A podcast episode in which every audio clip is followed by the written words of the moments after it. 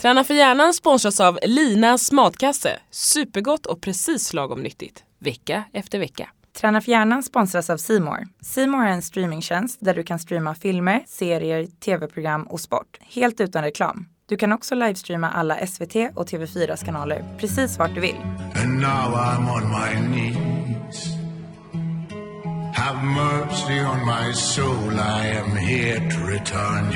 Det som jag har varit inspirerad av, det är den här äh, 90 dagar träning med Persbrandt.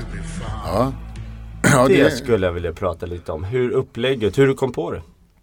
ja, men jag gör ju alltid sådana här saker för mig själv. Jag funderade på det där över nyår när jag var uppe och åkte skidor i, i, i Åre. Och kände att eh, det liksom började tunga på sig lite. Så kände jag att det här måste vi göra något åt. Jag har ju hela, hela mitt liv tränat. Jag har aldrig gjort något måttligt. Från att jag spelade fotboll i Jakobsbergs GOIF till att jag började vinterträna. Eh, då körde jag boxning i Järfälla Box Club. Och, um, det har varit en stor del av mitt liv. Eh, och sen eh, har jag aldrig kunnat göra det med mått måtta. Och det blev, jag har dansat eh, blev det senare i livet. Och jag har, fick för mig att jag skulle springa väldigt långt. Och då var alla pass över 17 kilometer. Och man skulle gärna kräkas och skita på sig när man sprang. För att det, det var ett bra pass liksom. Eh, men nu är jag lite måttligare. Men det kanske inte låter så. Då, 13 januari klev jag på, jag tror bara kvällen innan, så jag, nej men jag, nu sätter jag fart här för att det är lätt att glömma bort gymmet. Det finns annat att göra som man tycker är viktigare. Men vad innebär 90 dagar? Ja, Hittar- men det är 90 dagar, 90 pass. Ska, Ja. Det ska loggas 90 pass. Och ett pass kan vara allt från en promenad till att tvätta bilen eller är det en fysisk Nej. ansträngning eller vad är det? Nej, det, det måste vara en puls som är över 130. Så du har en pulsklocka på dig dagligen då? Ja, jag, jag köpte en som jag tänker ta av mig om 90. om- Nu är jag, säker, jag är tre, dag 31 idag. Ja. Så att jag loggar ju hela dygnet här nu. Men det du- låter ju lite märkvärdigt men det är för att jag tyckte det var lite kul med en sån här klocka också. Det är ju kul, man får alltid statistik.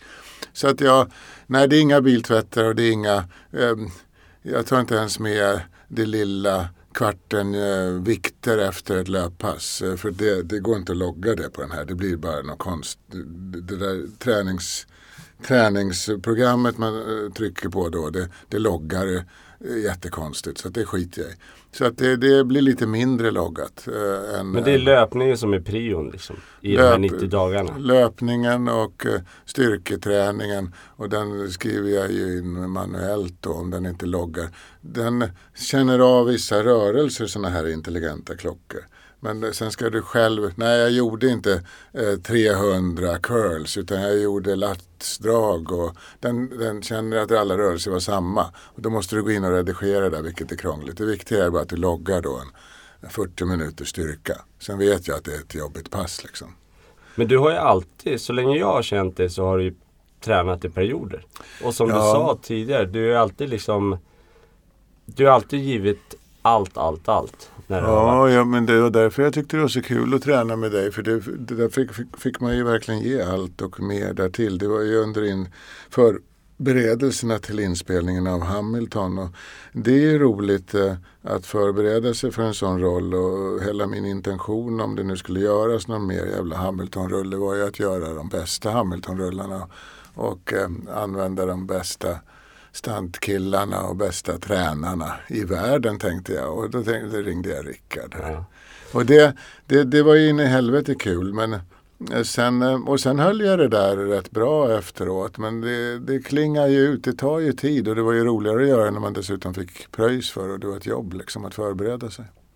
Ja, men, men om man kollar på din vardag nu när du liksom, ja vad ska man säga, du har kommit fram till att du hade en sjukdom i flera år Mhm. och nu har du ändå fått medicin och Mhm.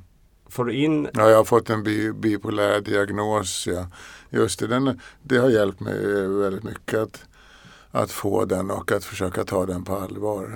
Det har det gjort. men jag tänkte att du har fått in mer rutiner i din vardag.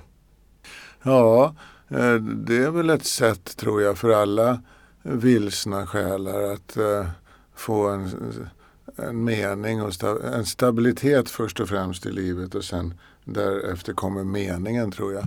Att man eh, har, har en plan. Liksom. Ja, men bara att du var i tid idag var jag väldigt fascinerad av. Ja, jag vet. Det, jag är fortfarande lite sen ibland men det verkade som att jag fick stå och vänta på dig nu. Det är ju nackdelen med att börja vara i tid. Att man får vänta på alla sina polare. För alla polare är dysfunktionella också. Så att det är ju nackdelen då. Men andra som inte är dysfunktionella, de, de som är i tid, de blir ju glada när man kommer i tid. Alltså. Ja. Och man själv är ju, jag låg ju alltid, tjena.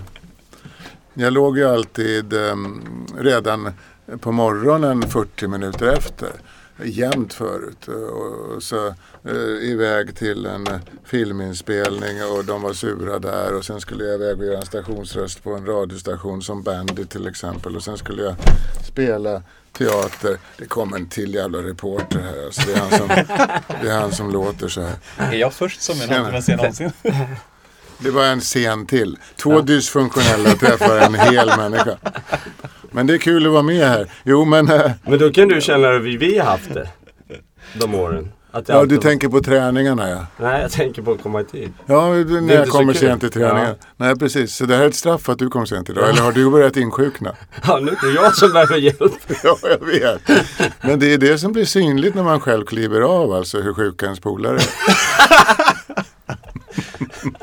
Rickard, du ligger två timmar sent den här veckan på våra möten totalt. Ja, Är det så? Kommer han mycket sent? Ja, men det är mer än standard tycker jag. Ja, Men man ser. får, man får egen tid jag tänkt på det. Jag märkte aldrig att han kom sent när jag kom sent, för jag var nog senare. ja. helt enkelt. Och så det- låtsades han att han suttit i timme. Men han är du- bara tre minuter innan. Men fick du Precis, straff-burpees när du kom sent? Eller? Va? Fick, du, fick du köra straff-burpees när du kom sent? Ja, men jag tror att det blev lite extra hårda smällar helt enkelt. Straffsmällar. Nej, men vad det gäller Ja. träningen där så är ju det, det har gått som en, som en tråd, inte alltid röd tråd, men en tråd genom mitt liv. Och det är ju för att en skådespelare också använder sin kropp som ett redskap. Liksom. Och sen, men sen är det ju för att jag alltid har, att får man med sig någon slags träning från början när man är ung så vet man ju att den känslan man får när man eh, sköter om sig på det viset och tränar mycket, man mår ju väldigt bra av det. Ja. De som inte alls får in det där när de är unga tror jag aldrig liksom hittar det där. De, de, det är de där som, som eh, står på treadmillen eller löpbandet och, och, och samtidigt läser tidningen och sådär. Det är ingen träning alls. Och så går de och tar tre choklad eh, proteinshakes och sen blir de bara fetare på träningen. Det är, ju- det är något annat. Liksom. Men de som har känt det där att om du jobbar lite hårt och det är lite jobbigt nu så kommer det kännas väldigt bra efteråt. Det, är jag ju tacksam för. Men, men kan, om man tittar tillbaks till, till eh, din träning så som när vi har tränat tillsammans. Du har alltid tagit ut det max. Du vill alltid göra det där lilla extra. Du vill alltid extremt. Du söker kickar. Tror du att det kan ha någonting med att du sökte den här endorfinkicken efter träningen? Att du ville ha det här välmåendet. Att du var liksom beroende av det. Att det vart som ett beroende. Ja, nej, men jag tror att säkerligen om vi nu pratar signalsubstanser eh, och det som händer i hjärnan eh, eh vid till exempel träning eh, naturligtvis har en helande effekt på, på eh, om jag nu till exempel haft för lite flöden av just eh, det vi kallar signalsubstanser i perioder i mitt liv så har det absolut hjälpt att träna. För att eh, det vet ju alla som tränar hårt att eh, efter ett bra pass så, är man, eh, så mår man väldigt bra i hjärnan också, inte bara i kroppen. Jag kan till exempel nu tala om, ja den är lite hög, alltså jag undrar om jag är lite nervös. Jag har ju en vilopuls på runt, i med snitt på 42 Oj. och det är bra. Det är bra för att vara Jätte- 65. Jag vaknar ibland på natten och har 38. Då är man nästan, Oj, det är nästan så här, I'm dying man. Det är Gunde-nivå på dig. En Gunnar Ja, men jag hade ju väldigt bra, jag har fått lite mindre lungor nu, men jag hade, jag hade 7,2 liter från början. Nu har jag 6,9. Kommer du ihåg det när vi gjorde de där testerna? På Ja, Globen, på? Djurgården. På Ja, Djurgården ja. ja, deras labb. Ja. Och du hade betydligt större syreupptagning än mig. Hade jag det? Ja. Men det Och- kan varit fel på maskinen också. Ja, men jag har haft bra, bra lungor. Ja. Nej, det, det är imponerande. Men du har ju haft en väldigt bra grundfysik. Så. Ja, men jag tror jag har haft en bra tränings... Jag, tyck, ja, men jag tycker ju om att ta ut mig till den där gränsen. Ja. Sen dra, tar det ju emot att åka till... Jag vet inte om du tränar med Rickard eller? Men vi tränar ju mycket. Det tar ju, det vi tar vi ju kör emot. också något pass när vi var med med Stefan Anell där. Jaha, ja. Men eh, ja. Det tar ju emot ibland för att det är så jävla jobbigt helt enkelt. ja. Men, eh, men eh, jag, ska, jag ska komma ner. Det är därför jag nu, nu är jag på dag 31. Jag tänkte 40 dagar med lite milpass och sådär. Och sen vågar jag gå ner till Rickard och köra. Ja. För att annars så dör man ju. Men vi hade ju kul tillsammans när vi gjorde det där. Det var askul. Ja, mycket träning och mycket. Det var askul verkligen. Ja. Det var, eh, eh, jag längtar tillbaka. Jag ska snart komma ner. Det är ju det där att det, det, där ljud, det där uppe på stadion. Det är jävla långt alltså. För mig. Ja, Jag bor ju liksom då fyra mil söder om stan. ja. Men man du får är- passa på när man är inne i stan och det är ju ett par dagar i veckan. Ja, och Maximteatern, om vi ska, den ligger ändå en dörr i dörr. Och Ja, där- den ligger ju nära. Och där är jag ju egentligen bara när jag spelar. Ja. Och vi har ju premiär i höst då kan jag säga på Den inbillade sjuke på Maximteatern. Jag tror, ja, någon gång i 17 oktober eller något sånt där. Med mig och Petra Mede i de stora rollerna. Det kommer bli in i helvete kul för att jag kommer vara in i helvete sjuk helt enkelt. Jag, och är det någon som hostar i publiken så kommer jag fan lämna teatern alltså för att jag är inbillat sjuk dessutom. Det är värsta sortens människor, ni kanske har sådana hemma. De där som, som hela tiden tror att de är sjuka. Ja. Det är jättejobbiga människor. Ja, men jag tror alla har någon sån runt sig om man börjar tänka till sin omgivning som alltid gnäller och alltid sjuk och det är alltid problem. Ja. Det är Eh, lätt också med att gå ut och googla sen och koppla ihop olika saker. Att man liksom man läser in olika symptom och så tycker man att lägger man upp det till en Ja, stor sak och sen har man plötsligt allt möjligt. Ja, ja visst. Nej, det, det, det måste vara oerhört krångligt att vara en sån person. Och det har ju natur, det hänger ihop med psyket också såklart. Men vad det gäller träning så jag säger ju inga revolutionerande saker här. Jag mår ju bra av det som alla andra och sen har jag ju haft tendensen att göra saker för mycket i mitt liv. Och att det blir för mycket och så bränner man ut ett intresse och så, så spyr man på det och sen skiter man i det. Ja, och det försöker jag väl numera att hålla på. Ja, just det, nu kör jag 90 dagar, 90 pass. Ja, just det, det är inte normalt heller. Men det är, det är inte en, en mil och styrketräning varje dag. Jag kör, ett, jag kör ungefär löpning eh, två, två och en halv, 2,7 mil i veckan ungefär. Ett milpass utomhus. Mm. Och sen eh, kör jag lite intervallträning och sen kör jag eh, lite, lite styrka på lätta vikter och många, många reps. Mm. Så att eh, jag kommer igång alltså på ett bra sätt. Sen har jag kopplat min, min träningscykel. Jag har ju, köpte ju ändå en värsting triatletcykel för massa, massa år sedan i kolfiber helt och hållet. Fantastiskt jävla konstverk. Eh, på Ingarö när jag bodde där. Det är ju då ja, 12 år sedan. Och den har jag cyklat ett varv runt Ingar- Ingarö. men men nu har jag köpt en sån här rulle som jag, så jag har den i gymmet nu också. Så nu kör jag lite på den. Det är asjobbigt. En sån där du kopplar den på så, så kan du använda den som träningscykel. Den blir som en spinningbike. så man sitter Ja, och trampar, trampar man kommer ingen vart. Nej, man tittar på tv. Ja. Just det. Men har du, mär- märker du att det hjälper dig i din eh, karriär? Att du känner dig mer uthållig på scen och att du liksom orkar, eller hur? Ja, såklart eh, karriär. Alltså att eh, ju äldre jag blir, eh, jag blir ju fan 55 i år. Vet du. Jag är 63. Eller blir jag 54? Jag är 55 tror jag. Och eh, det är klart att eh, det efter eh, 46-47 tyckte jag det började kännas i axlar. Och det är liksom det, man, man blir äldre. Så ju mer du håller igång nu eh, och håller en vikt som är hyfsad liksom och inte tar och lastar på dig en massa åbäke så, så är det klart att du... Sen kan man som skådespelare använda alla tillkortakommanden. Är du väldigt fet och flåsig så lägger du rollerna där också. Det kan ju bli lysande rolltolkningar. Så det, men jag, jag väljer ju liksom, jag satsar ju på en bra andra halvlek så att då är det ju nödvändigt att träna och röra på sig. Men det känns väl också om man har en sån stor gård som du har, att det finns lite att göra. Ja. Man måste ju vara aktiv. Ja, det är ju asmycket när, när vårsäsongen kommer igång nu. På vintern är det ju mest att jag sätter mig i traktorn och plogar. Men det ska ju kopplas på plogar och grejer också. Det är alltid någonting när man har en gård.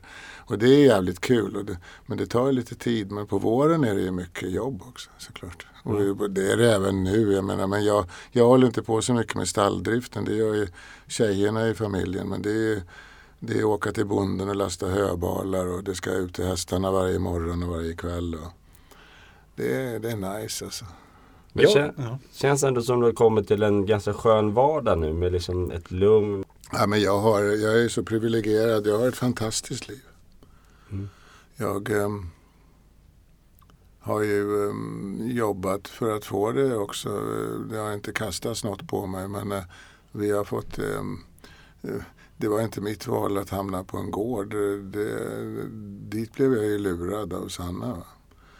Eh, så Hur känns det nu? Det var en bra det vart ju tomt på kontot och så fick man en jävla massa att bära liksom. Men jag fick en, jag, jag, jag, jag tackar henne för det för att det har blivit jäkligt bra. Alltså. Jag sa- saknar havet lite. Vi bor ju en bit från havet nu. Jag har bott vid havet i massa, massa, massa år. Ehm, Men jag har en liten båtplats i Nynäshamn Härligt. hos Foppa. Ja, just det. På Anitex. Ja. Deras.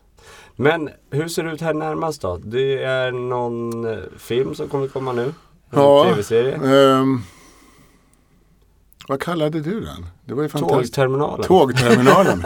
Så heter den inte. Tågterminalen har jag premiär på. Uh, Tåg... Tårtgeneralen. Ja. Tårtgeneralen kommer upp på bio i, Stockholm och i Sverige. Först har vi en världspremiär i Köping.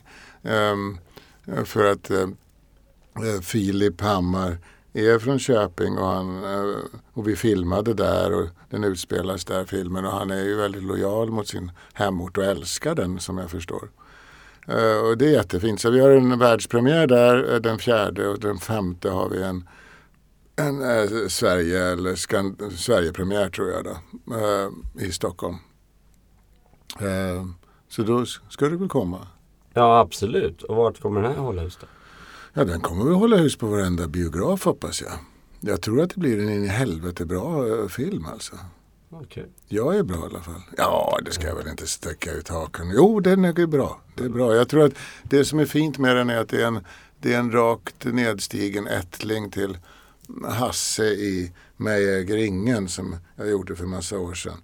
Det är alltså mm, det är ett porträtt av mm, den mest rörande och kanske den mest ömkliga av svenska män. Den svenska mannen som, som står med mm, som vill förändring och revolution och, och som vill skapa sig ett bra liv men, och som har en knuten näve men den, den är i fickan bara, den kommer aldrig upp i fickan. Liksom.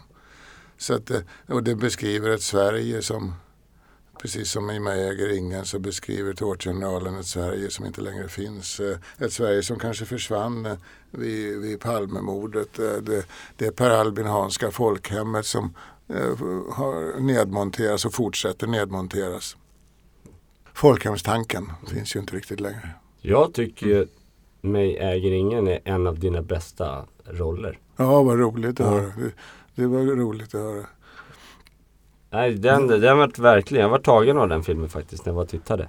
Jag Ja, fick, men eh, den är, jag tycker också om den. Den, den beskriver en, en drös, eh, eller de få, det är inte så många, de eh, männen som jag växte upp med i min släkt också på något vis. eh, Det, det, det fanns mycket drömmar och visioner och så bidde det liksom, det bidde en tummetott på något vis. Det, det finns, det, det är nog väldigt, alltså den svenska mannen som jag beskriver där är ju inte den som står och skriker och gapar på barrikaden utan det är den här tyste som imploderar istället och tar allt inåt. Mm. Och det, det är ju för mig jävligt igenkännbart. Alltså. Ja, Jag tyckte om att göra den. Men där tänkte jag fråga. Du säger att ja, men jag har ett fantastiskt liv, vilket är helt underbart att höra. Och jag vet att prata med en, en eh, inspirerande person som jag tycker, Dagny Karlsson, om den frågan. Hon är 105 år ung och började blogga när hon var 100. Och då fick hon frågan och så fick hon ge sina tips på liksom, vad var hennes tips och råd om hur man då ska skapa ett långt och lyckligt liv. Mm. Vad hennes svar bland annat, bland annat var ju det att eh, eh, våga vara nyfiken. Mm. Och när det är tufft så kämpar man på. Vad är dina liksom, tips eller vad, vad säger ditt liv dig för att få ett fantastiskt liv? Ja, men jag har väl några små knep liksom. Men framförallt så handlar det väl om att komma till ro med sig själv. Jag antar att Dagny har varit hyfsat till ro med sig själv eller med sin tillvaro i, i, i sitt liv. Annars hade hon nog inte blivit, är hon död nu? Ja, hon lever. Ja, vad bra. Dagny. Annars hade hon ju inte kommit över hundra. Liksom. Det är ju fantastiskt. Mm. Har man haft hundra år bra, som är bra, då är, då är det kanon. Nej, men mina knep, jag vet inte, jag har inte så många knep. Jag eh, personligen, det är ju djupt personliga saker. Jag, jag försöker ha, jag mår bäst av eh, rutiner och jag försöker att eh, mm, de här råden är ju inte applicerbara på alla. Jag försöker inte jobba så mycket. Jag leker mycket. Jag försöker vara närvarande med mina barn och när jag känner att jag failerar i det och hellre går in eh, och sätter mig med min iPad eller något så försöker jag påpeka det för mig själv att det, det, det är värt mer att gå och leka med dem en stund till. Nu är ju de i den åldern att de tycker att det är tråkigt att leka med mig ibland men det skiter jag i. De är 32 och 40. Nej, vad ska jag Nej men sen, eh, Eh, sen har jag Nej men jag, eh, även när jag kom på när jag sprang en, en mil eh, i förrgår tror jag det var till Rosenhill, eh, till raggarcafé ute i skogarna i Sorunda trakten. Så, ibland kommer man ju in och när man springer så går man ju igenom mycket och ältar en massa saker. Eh, eller, eller kommer in, det kan vara jobbigt också, långa jävla uppförsbackar och det är snömodd och regnglop i nyllet. Och inte, då kommer jag på, då har jag ett trick, och då, då ber jag en liten bön. Eller jag tackar Gud helt enkelt. Det kan ju låta lustigt för att komma från mig. Och det är inte vilken Gud som helst eller den gudsbegreppet är eh, hyfsat främmande för mig som för många andra i, i vårt sekulariserade samhälle idag. Så det är inte kanske han på korset utan jag tror att det finns en det goda i oss alla. Eh, om, om det skulle stråla samman i en, en eh, tecknad eh, bild här från oss tre så, så är det guden, det goda i oss. Och där kan jag bara, när jag då tänker några mm, snälla ord där, tack för det jag har och låt mig fortsätta vara uppmärksam på de jag har kring mig. Eh, eh, egentligen, gam, egentligen gamla kristna budskap, inled med icke i frestelse och så vidare. Nu tänker jag inte sådana saker men, men jag, ja, jag, säger, jag säger en del saker till mig själv och det där tar bara tio sekunder kanske. Eh, och ibland mer. Jag gör det inte bara när jag springer såklart. Men nästan varje dag eh, har jag en tanke på något större än mig själv. Och det får mig alltid att eh, i slutändan le. Och leendet är ju något man sällan fejkar, i alla fall inte när man är själv. Så, så det är jättekonstigt. Jag är så glad alltså. Och när det kommer så, så blir också backen lättare att springa. Men men är det en teknik du har? Du har Nej, men Nu, det, det det, finns något, upp det, finns något, det finns något i, i bönen oavsett om det är en bön efter att få en, en Rolls Royce eller en kaka eller något. Att bönen är att man eh, underordnar sig eh, något eh, större än sig själv. Liksom. Att man eh, också jag har ju fått lära mig det i mitt liv som har varit hyfsat dysfunktionellt emellanåt, att be om hjälp. Och det, eh, att be om hjälp Eh, det är nog det jag gör då eh, till något som är större än mig själv. Eh, att inte gå in i högmod, att inte tycka att du är så jävla ball, att inte alla de här negativa sakerna som på sikt riskerar att ehm, driva ner dig i, i ett hål där du inte agerar på ett bra sätt vare sig mot, dig själv eller mot, mot dina medmänniskor. Och det Eh, fungerar för mig och det är nog mitt bästa tips. Och kan man para det med, med, med eh, en mil i spåret så är det kanon. Alltså.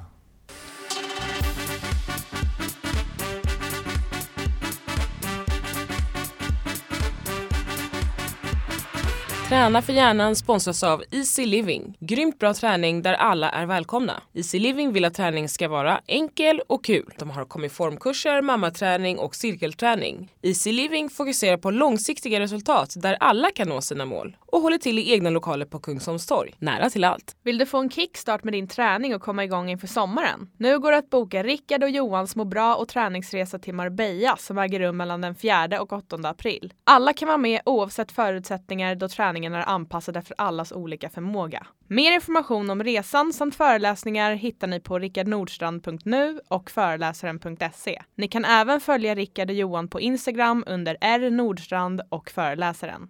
Jag tänkte på det när jag satt i- och tänkte på att du har ju gjort väldigt många saker och många olika saker. Då tänkte jag fråga, hur bra är du på att inte göra någonting?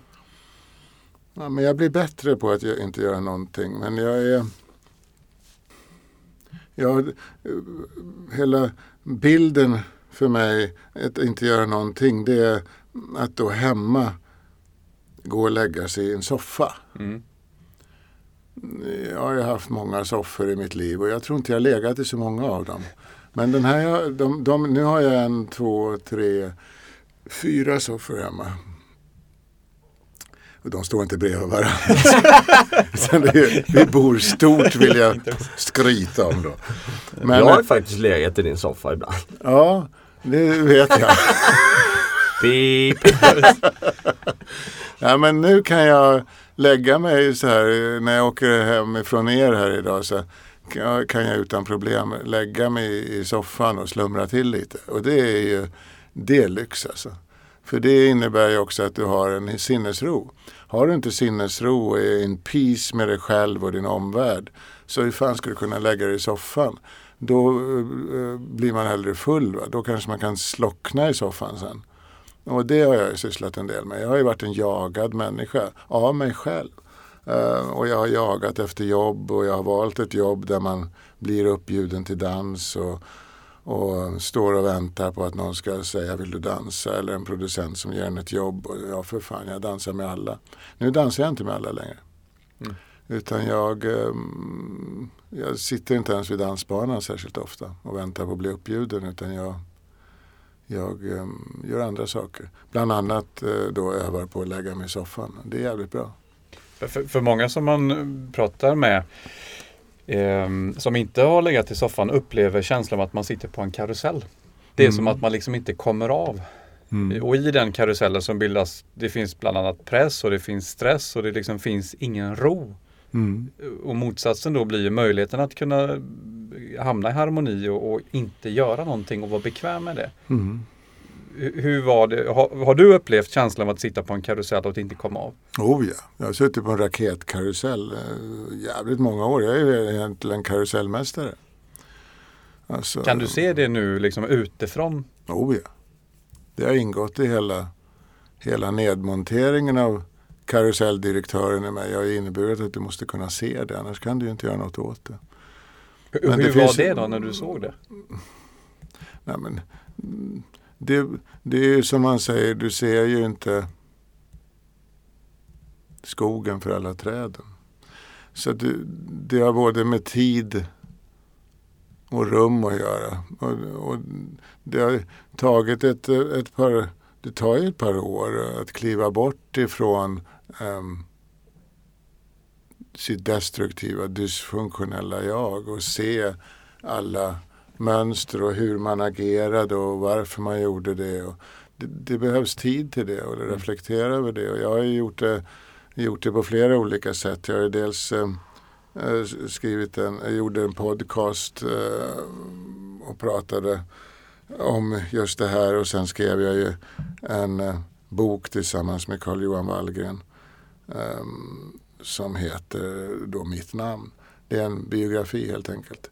Men som fokuserar rätt fett på och inte blundar för det som var krångligt eh, och förjävligt. Och det, det fortsätter ju det arbetet. Jag tror att jag kommer ta det nästa steg blir nog att jag tar det upp på scenen. Hur kändes det att skriva den här boken och reflektera? Jag har ju inte skrivit någon bok, men jag har ju börjat föreläsa. Mm. Och då går man in och så öppnar man ju små dörrar som man har stängt på vägen och man har förträngt. Mm. Men i en bok så måste man öppna upp där och sen ja, välja vad man vill berätta. Mm. För här, den här boken heter väl Så som jag minns det med Micke Mm. Persbrandt. Ehm, och hur har det känts då på, på resan? Har det varit skönt eller varit jobbigt? Eller? Nej, det har varit asjobbigt såklart eftersom hela min intention var att jag var ju uppvaktad i många år från olika bokförlag. Um, jag uh, sa ju då innan jag hade klivit av eh, och ifrån mitt eget dysfunktionella och fått ordning på mitt liv så, så sa jag ju det, då kände jag ju det, det är ingen mening att skriva en sån bok när du är mitt i. Du kan inte göra en klok reflektion kring det hela. Eh, du kan inte vara ärlig då. Det blir för mycket lögner liksom, om man har levt som jag har gjort. Och du ska mörka allt det. Liksom. Då kan du ju skita i det.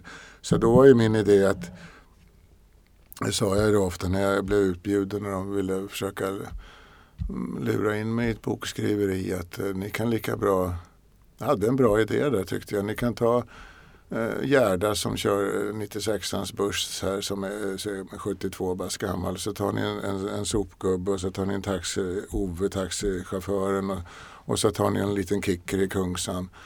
Och sen tar, ta tio personer, ett snitt av Sveriges befolkning, någon invandrare såklart.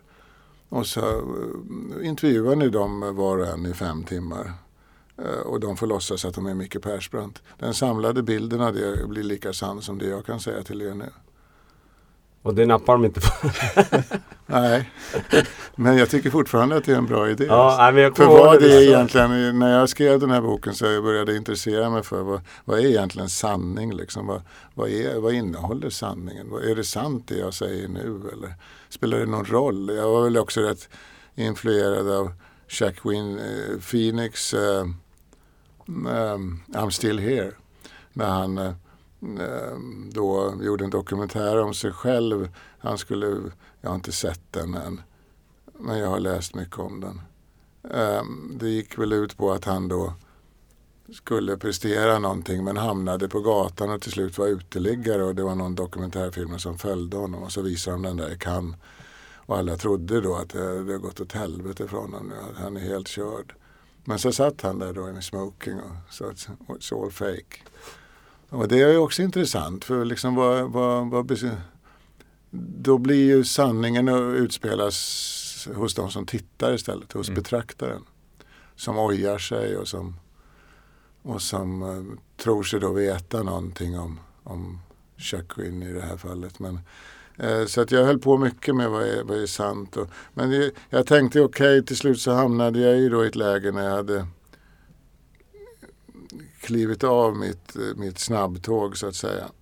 Och, och, tänkte att okej, ska jag göra en sån här bok så, så ska den ju inte bli då att eh, och- en skrytbok där och så sa Bergman att jag var bra och jag blev så glad och sen, sen träffade jag den och den var underbar och så gjorde vi den här stora succén. Det, det gör ju alla, alla de flesta andra som skriver en biografi och då skiter jag hellre i det. För det är ju ingen mening att skriva en sån jävla skitbok alltså. Man får ju ha någon värdighet. Va? Ja. Men Så då kommer skrev jag en bok som, då tänkte jag, men då gör jag all in. Då, då, är, då kör vi liksom hela linan så att säga. Ja.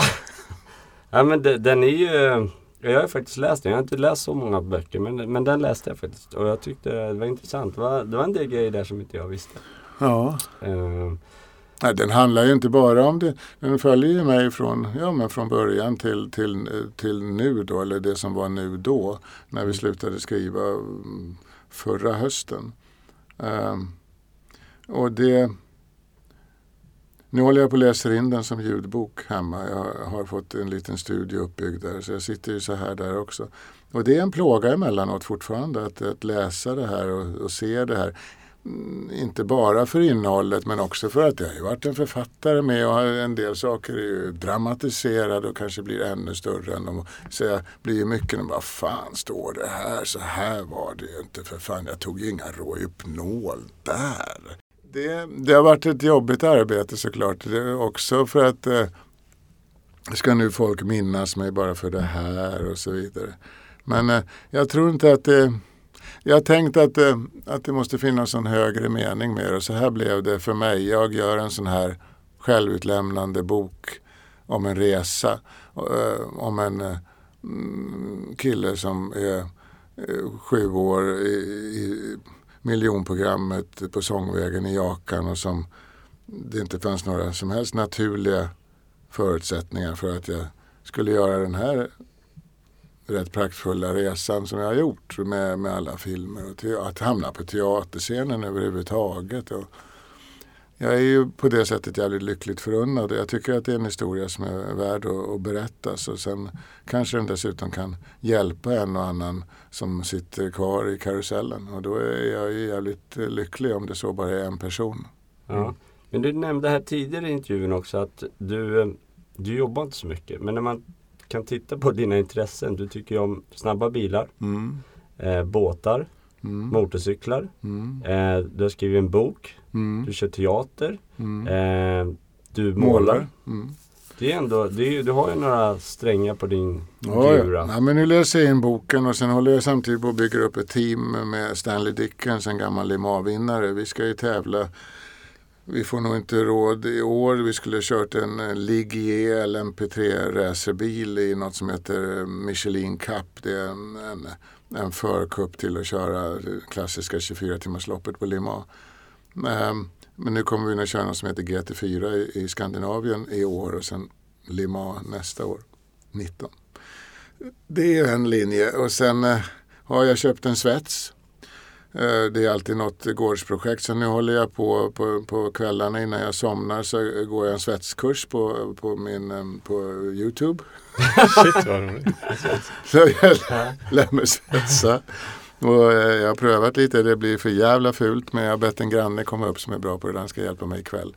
Ja det är ju, man får ha bollarna igång liksom och sen håller jag på att mecka lite med mina, mina bilar och motorcyklar, det tycker jag är kul. Och sen eh, kör vi lite cross och sådär.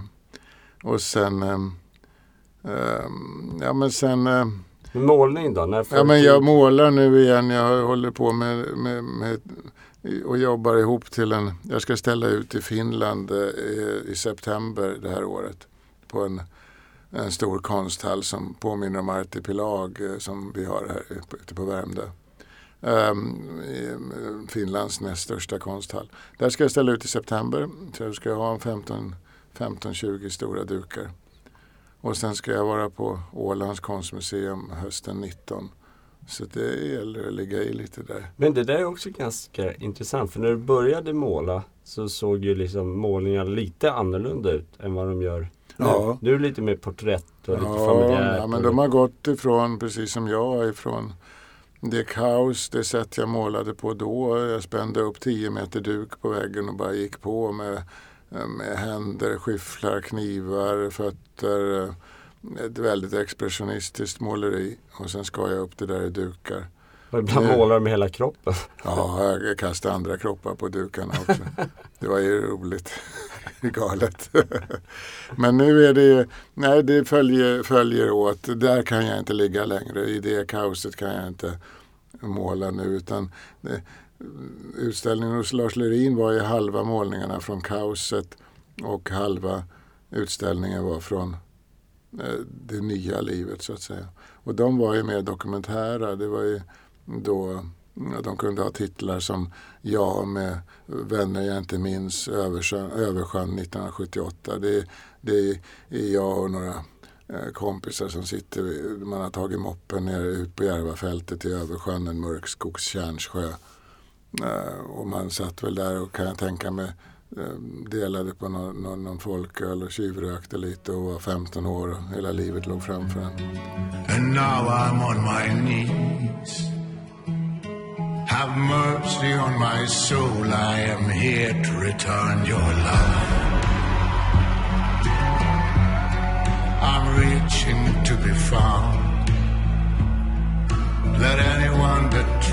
In me be seen and be heard.